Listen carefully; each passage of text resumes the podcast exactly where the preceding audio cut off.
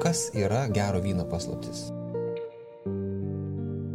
Svarbiausia visi pabrėžia, geras vynas turėtų būti unikalus arba turėti charakterį kažkokį tais, braižą, nu, išskirtinumą nuo visų kitų. Ir netaip lengva tą pasiekti, tai reikia kelių elementų. Mums kas yra labai svarbu, yra toks terua terminas, tai kur yra na, dirbožėmis atrodytų, mes vynogės perteikia dirbožėmio charakterį arba tą kažkokį mineralus, kuriuos jos gali išsunkti, išsiurbti iš dirbožėmio ir paskui vindarys savo žinojimus arba savo know-how būdu, ne, kaip gaminti vyną, visą tai gali pertikti į galutinį produktą, tą, kurį jau mes vartojame, į vyną.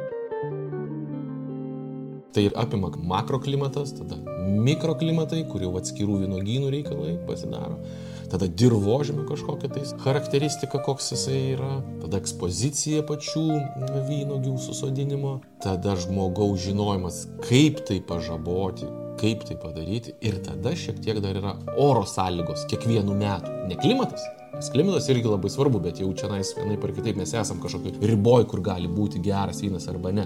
Gali gautis geresnis, gal reiktų tai pasakyti, arba ne. Klimatiniai zonai. Bet oro sąlygos gali irgi nulemti, nu tarkim, ten vienais metais vienaip gali gautis, kitaip kietas, gal kitaip. Bet šio laikinis žmogus jau tas visas, na, Dievo rykštės atrodo gali pažaboti labai stipriai. Bet ne visas. Ar tiesa, kad vynogių negalima laistyti? Nėra vienareikšmiško atsakymo, galima ar negalima.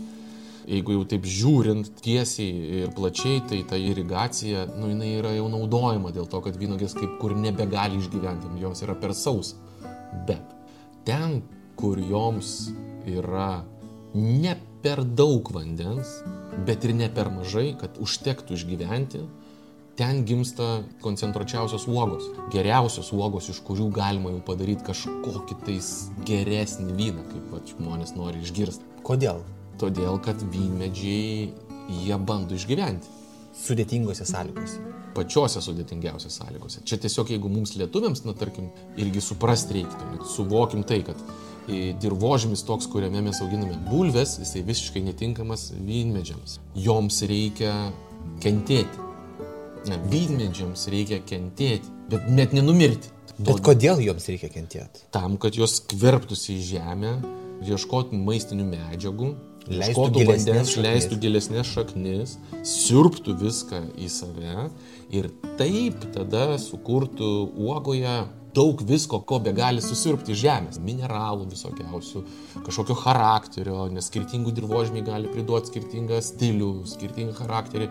Ir taip tada jau žmogus iš tų uogų, sakom, svarbiausia, kad nesugadintų jau, ką Dievas davė arba ką, ką vynmedis užaugino. Taip ir geriausiose vietose, geriausiose dirbožėmėse vindariai padaro labai išskirtinius vynus ir jie ir yra patys brangiausi ir geriausi, jeigu taip galima sakyti. Ten, kur vynogiams yra sudėtinga, bet įmanoma. Taip. O jeigu pagerinti joms sąlygas, pavyzdžiui? Tai čia dabar lengvas labai atsakymas. Mes tada padidinsim derlių, bet suprastinsim kokybę. Jos nenumirs, jos klėstės, jos duos daug uogų, bet jos bus lepios. Tos uogos nebus tos, tokios. Jos nebus, nu, iš jų bus galima padaryti gerą vyną, bet neišskirtinį produktą. Tarsi iš jų nebus blogas, ne vynas, bet jisai nebus geras kažkoksai, kuriuo žavėtųsi žmonės, apie kuriuos rašytų knygas, puikius aprašymus ir skintų jiems tenais aukso medalius kažkokius tai skirtų. Tai tiesiog būtų geras, normalus vynas, kurį žmonės vartoja masiškai. Ir čia kaip tik žmonės daro atvirkščiai, išeinant iš to klausimo tavo, kad jie stengiasi pabloginti sąlygas vynmedžiam. Nu, pavyzdžiui. Tarkim, turime hektare susodintų, tarkim, 2500 sodinukų. Ir vindarys sako, nu man trūksta charakterio, žiūri, kad, nu, kažkas negerai. Ir staiga jie sako, reikia mums susodinti dvigubai daugiau. 5000 sodinukų į tą patį hektarą. Kad jos kovotų, kad jos leistų šaknis, kad jos ieškotų, kaip išgyventi joms, kaip susirpti tos visus įvus į žemės, visus mineralus ir visą kitą, kad vandens ieškotų kuo giliau, kad neužtektų joms šiek tiek, kad jos šiek tiek kentėtų, ne, kad daugiau koncentracijos atsirastų pačiose uogose. Derlius šiek tiek sumažėja, faktas, bet koncentracija, kvapai, skoniai yra gerokai intensyvesni. Ir taip vindarys tada sukuria jau išskirtinį kažkokį tai vyną. Yra vat, tas vyno žemėlapis, kurį mes čia turime ant stalo atsiverti. Ir tas žemėlapis irgi kažkaip su tuo yra susijęs. Kad jame tos vietos, kuriuose auga pačios geriausios vynogės pasaulyje, iš kur yra išgaunamas brangiausias vynas pasaulyje, yra kaip tik kažkokiose teritorijose, kuriuose toms vynogėms nėra taip blogai, kad jos negalėtų aukti, bet nėra taip gerai, kad viskas būtų paprasta. Aš teisingai suprantu. Vienas tokių įdomiausių pavyzdžių, nu tarkim, jeigu mes turim vat, 45 šiaurės paralelę ne, ir mes matom, kad jinai eina per Bordo. Visiems puikiai žinomas regionas, viskas yra nuostabu. Ir čia tikriausiai geriausi raudoni vinai iš Kabarnės Savignon ar Merlo gaunasi. Einant į pietus tikrai tos uogos yra auginamos. ir Tos tikrai- pačios tos uogos. pačios uogos. Visur kitur yra auginamos, viskas čia yra puiku. Bet geriausia vinai, nu atrodo, vis tiek yra Bordo. Jeigu tik tai kylam į šiaurę, Jau dabar aišku, klimatas šiek tiek šyla, ten niuansų visokiausių yra. Bet tobuliausias vynas čia. Gal Piečiau. ten Bordo gyvena kažkokie ypatingi žmonės. Tai jie yra, bet e, kaip, tai tiesiog reikia pažaboti. Juk kažkokie ypatingi žmonės gyvena ir piečiau, ir šiauriau. Bet tokio vyno negali. Tokių vynų kažkodėl nesigauna. Aišku, galim galvoti apie mikroklimatėlį, apie atskirą dirbožėmį ir taip toliau, ir taip toliau. Bet kad taip masiškai gamintų visas regionas tokį vyną, nu reikia tikrai atrasti tinkamą vietą. Na, tarkim, dar vienas yra pavyzdys, nu, jeigu kalbame apie kokią, nu, tai irgi labai gerai žinoma visiems šardonė vyno veislė. Ir dar tikriausiai puikiau visi žino šampaną, kurių, na, viena iš pagrindinių vynogių ir yra šardonė. Tai, tai šiauriausias regionas, kur šardonė puikiausia sukuria vyną, kas ir yra šampanas, ne, ir yra šampanė. Šiauriau jau mes kažkaip nieko labai tokio nebesutinkam.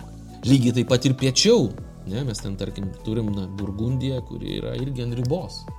Tas nu, šiaurinė riba, kuri nu, nei per karštą, nei per šaltą. Susideda, aišku, viskas. Ir dirbožėmis, ir žmonės, ir visa kita, ką aš ir kalbėjau, į tą terua, ne, terminą. Bet vis tiek tai yra tokios ribos, kurias galima aiškiai išvelgti. Ir, ir vynogės, vad būtent ant tų ribų pasikeitimo oro sąlygų, ne, ir klimatinės zonos. riba tarp teritorijos, kurioje jau vynogės nelabai ką gali ten išauginti, ir tarp pusės, kuriuose joms yra labai gerai. Ir tame tarpe vat, yra ruožas, kuriame yra Kokybiškiausia. Kaip kokybiškiausias produktas. ir tuose kataloguose, apie kuriuos tu kalbėjai, tie vynogynai ir yra išskirtiniai. Vat Taip. to, tose ruožuose, ne? Taip, taip, taip ir gaunasi. Ir tada, kaip mes sakom, dar toje vietoje yra kertiniai lūžiai, kur tam tikrai uogai yra geriausios sąlygos. Ir jinai kenčia ne per daug karščio, ne per daug drėgmės, ne per daug sausumos ir ten jinai sukuria geriausią, kokybiškiausią uogą, ne, arba nu, prašmatniausią ją, geriausiai atspindinčią kažkokią tais na, vietą, aplinką, charakterį, duodantį geriausią derlių. Geriausias derlius tai nereiškia, kad jisai masiškas, didelis, platus. Geriausias derlius vynų yra nedidelis, bet labai koncentruotas ir išskirtinis charakteris. Tai va tose zonose, kur uogos labai stipriai pradeda kentėti, jau ant ribos, ne, išgyvenimo, ten ir gaunasi geriausi vinai. Leisti šaknis apie 20 metrų gilyn. Tai dažniausiai būna nu, kažkokie tais akmeningi tie dirbožėmiai. Viršutinis sluoksnis, nu jisai kokių 30 cm yra tos juodos žemės tokios puresnės, ne? toliau yra kažkokie akmenys, pro kuriuos prasibrauti šaknim nu reikia labai daug jėgų ne? ir dėl to vynogės ir yra taip prisitaikę, kad gali išgyventi.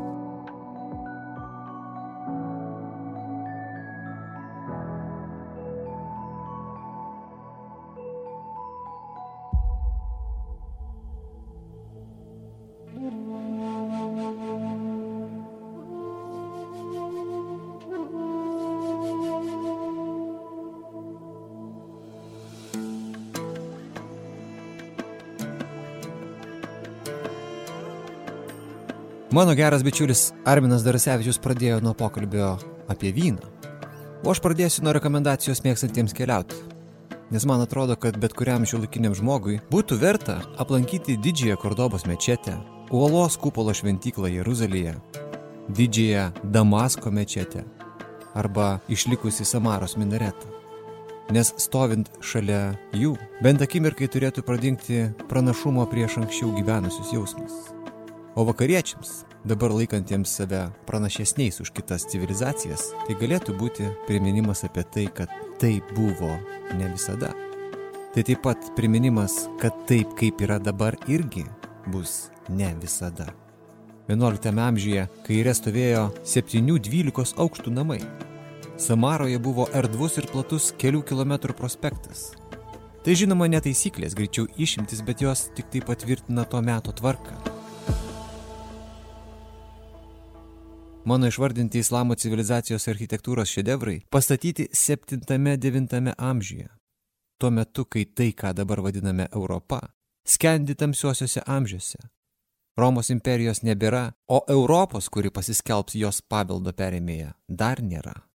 Tai, kas taps vakarų civilizacija, yra kokono stadijoje. Mūsų Lietuvos, kuri dabar didžiuojasi būdama tos civilizacijos dalimi, iš viso nėra. Jeigu norite palyginti islamo civilizacijos aukso amžių su Lietuvos didžiosios kunigaikštystės pradžia, nuvažiuokite į Maurų citadelę arba Alhambros rūmus Granadoje. Pas mus primityvi pradžia, o pas juos apogėjus. Viršūnė. Tiksliau, tai kas liko iš tų auksinių laikų. Nes auksiniai laikai išlepina žmonės. Mes galime kankinti vynogės vardant gero vyno amžinai, bet savęs tikrai ne. Mes galime žinoti, kad sunkumai mus augina, bet jeigu yra galimybė rinktis tarp kentėjimo ir malonumo, mes visada rinksimės malonumus ir patogumus. Nėra nemenkiausios galimybės, kad būtų kitaip, todėl nėra nemenkiausios galimybės, kad išlepusios ateities kartos neišbarstytų to, ką praeities kartos kentėdamos sukūrė.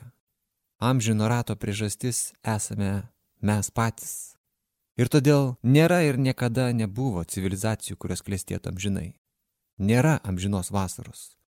Ir turbūt taip turi būti. Mirtis mums duota tam, kad sugebėtumėm bent kartais branginti gyvenimą. Begalybės veidrodis prasidėjo nuo islamo civilizacijos istorijos, kuri yra išskirtinė, bet tuo pačiu viena iš daugelio. Atkartojanti visas tas pačias trajektorijas, kurios matosi žiūrint į istoriją, tik tai nusiemus dabartizmo akinius. Ir matuojant tą istoriją, anot Fernando Braudelio, ilgais laiko nuotoliais. Civilizacijų ciklai, trunkantis šimmečiais, gali padėti pamatyti dėsningumus ir išimtis, kurių matuojant trumpų žmogaus gyvenimų, narpliojant atskirus istorinius įvykius, nesimato. Tai, kaip prašė prancūzų istorikas Fontenelė, yra ne rožių, kad ir kokios gražios jos būtų, o sodininko, kurį rožės laiko nemirtingų istorijų. Tai ilgo nuotolio istorija. Plaukėjimas po atviras jūras, po laiko vandenynus, o ne atsargus pasiplaukavimas prie niekada iš akių nedingstančių krantų. Jis turi pavojų, bet jo pranašumas taip pat didelis. Jis gali padėti mums suprasti mūsų pačių laiką, kaip tos vynogės Burgundijoje ar Šampanijoje. Civilizacija, anot Braudelio, yra mažiausias laiko tarpas norintiems pamėginti suprasti savo istoriją.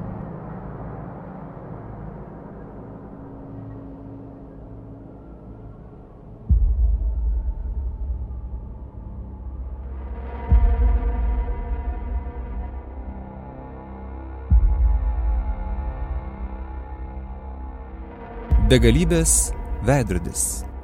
Antroji dalis. Asabija. Arba Kodėl nerekomenduojama laistyti vynogių?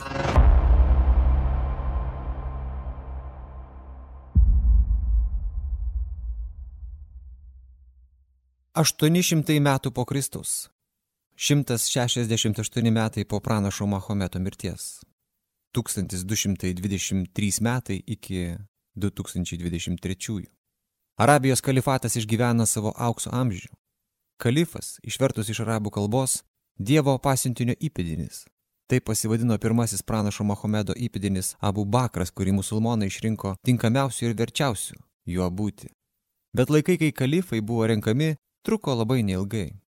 Jau po 29 metų valdžią perėmė Umajadų dinastija, kuri perkelė sostinę iš Medinos į Damaską ir per 89 savo valdymo metus sukūrė imperiją besidriekiančią per tris žemynus.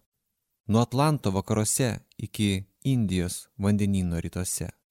Imperija prasidėjusi Arabijos pusėsalio dykumose apima šiuolaikinės Siriją, Libaną, Jordaną, Palestiną, Iraką, Iraną, didžiąją dalį Vidurio Azijos iki pat Afganistano, visą Šiaurės Afriką ir viena koja yra dabartinėje Europoje. Iberijos pusėsalyje ten, kur dabar Ispanija ir Portugalija. Jums būtinai reikia pažiūrėti į žemėlapį, kad būtų galima suvokti tą 11 milijonų kvadratinių kilometrų vienos iš didžiausių pasaulio istorijoje imperijos plotą. Tos imperijos nebėra, bet kadaise karaliavę islamo regionai ir šiandien driekėsi nuo Maroko iki Kinijos ir Indijos. Imperija išnyko, o civilizacija, charakteris, kaip sako Arminas, ir visur jį menantis ženklai liko. Civilizacija užgimusią tarp Tigro ir Nilo, tarp Jodosios jūros ir Arabijos, Osvaldas Špengleris pavadino magiškąją.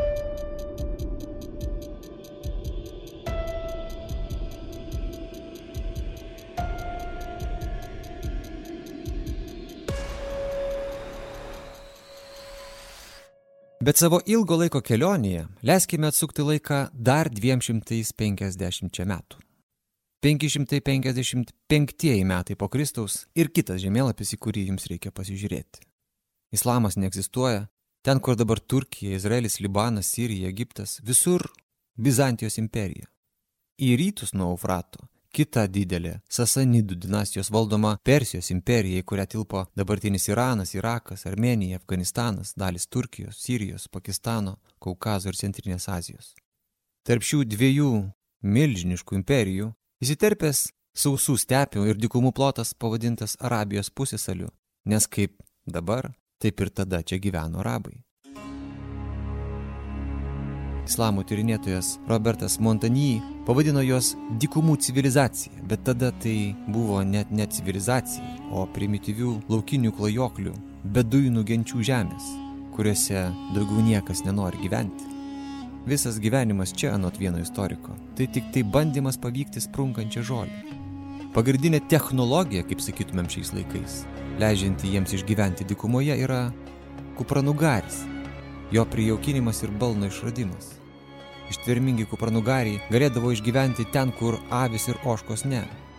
Ir aprūpindavo šeimininkus pienu, mėsa, oda ir vilna. Tačiau svarbiausias jų pranašumas prieš kitus gyvūnus buvo gebėjimas gabenti žmonės ir perkes per bekraštės Sirijos ir Arabijos dykumas. Beduinai arba naumadai didžiavosi savo klajokliškų gyvenimo būdu ir iš aukšto žiūrėjo į polikį prarandančius ir avis ar jaučius įmančius auginti arabus. Sėslumas jiems atrodė silpnų ir apgailėtinų žmonių gyvenimo būdas. Sėslų žmonės jiems atsakydavo tuo pačiu. O klajokliai buvo užgrūdinti gyvenimo, kuriame bet kokia gausa yra laikina. Arba išskirtinio socialinio sluoksnio prabangos dalykas. Arba kokio nors išskirtinio miesto privilegija. Tai buvo karių ir piemenų bendruomenės prisitaikiusios gyventi nuolatinės kovos dėl išlikimo sąlygomis.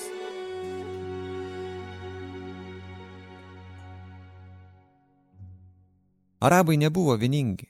Dikuma buvo padalinta tarp genčių, kurios nuolat kariaudavo tarpusavyje.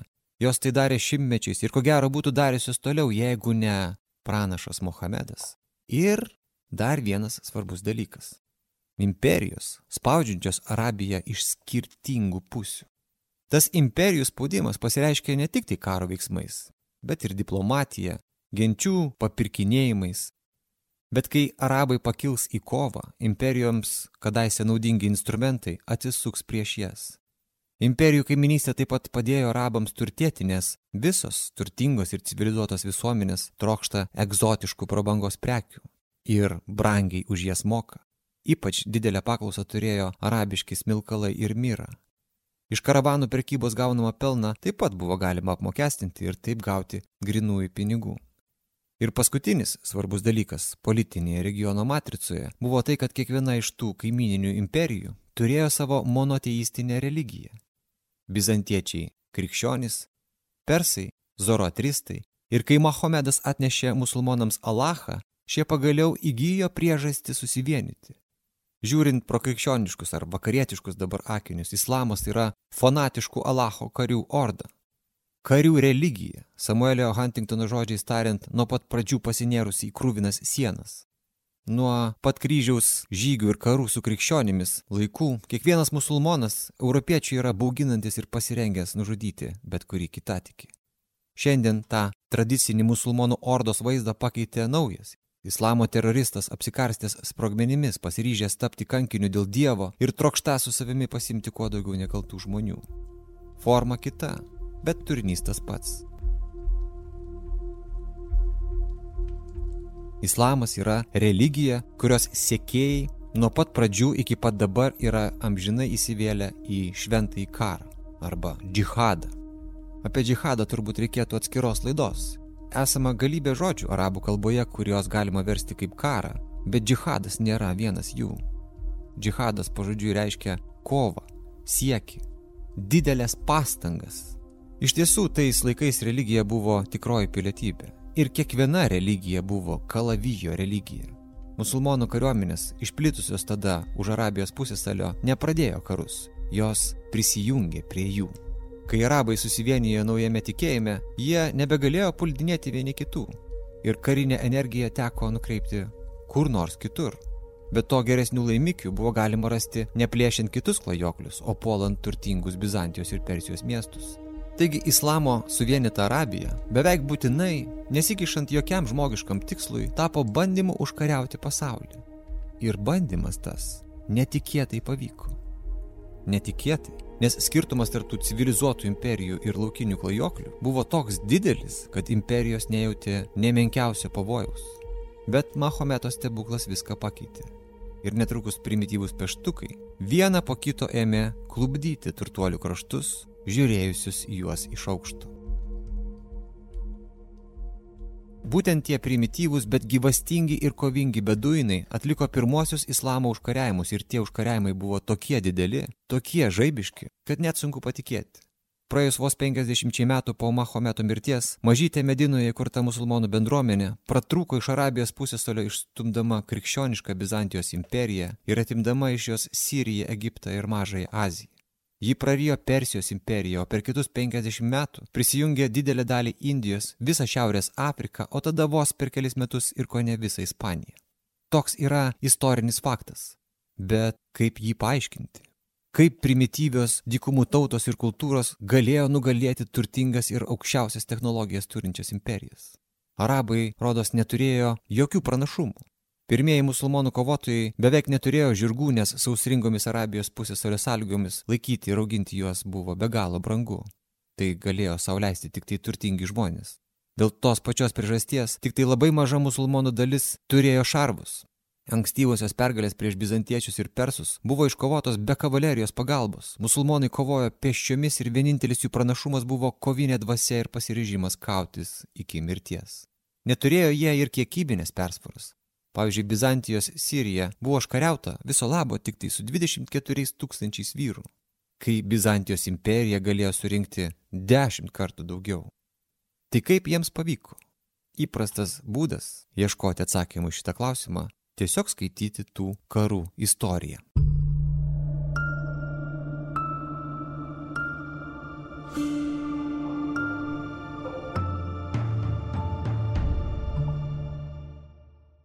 Prasidėjo viskas nuo mažų puldinėjimų.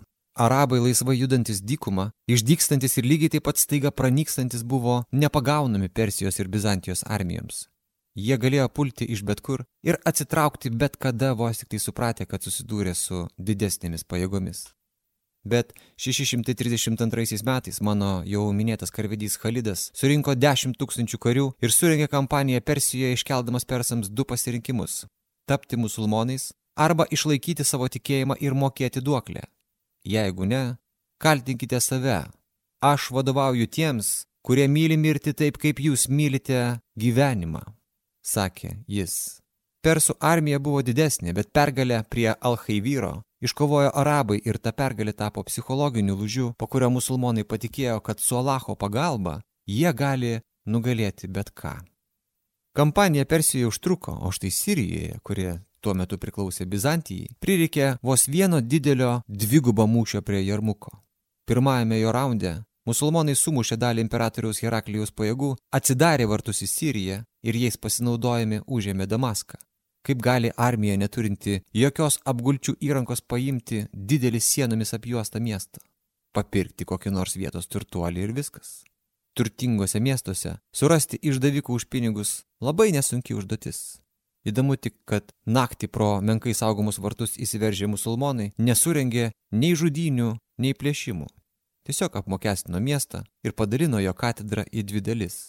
Vieną krikščionims, kitą musulmonams. Imperatorius Heraklijus atsitraukė, bet po kelių mėnesių surinko dar didesnę kariuomenę. Tačiau jos dalis, vadovaujama imperatoriaus brolio, 636 metais pateko į mūšį, kuriame smėlio audra pasisuko į bizantiečių veidus. Arabai, su vėju savo už nugaros, išskerdė bandančius atsitraukti priešus. Alachas jiems ir toliau šipsojosi iš dangaus.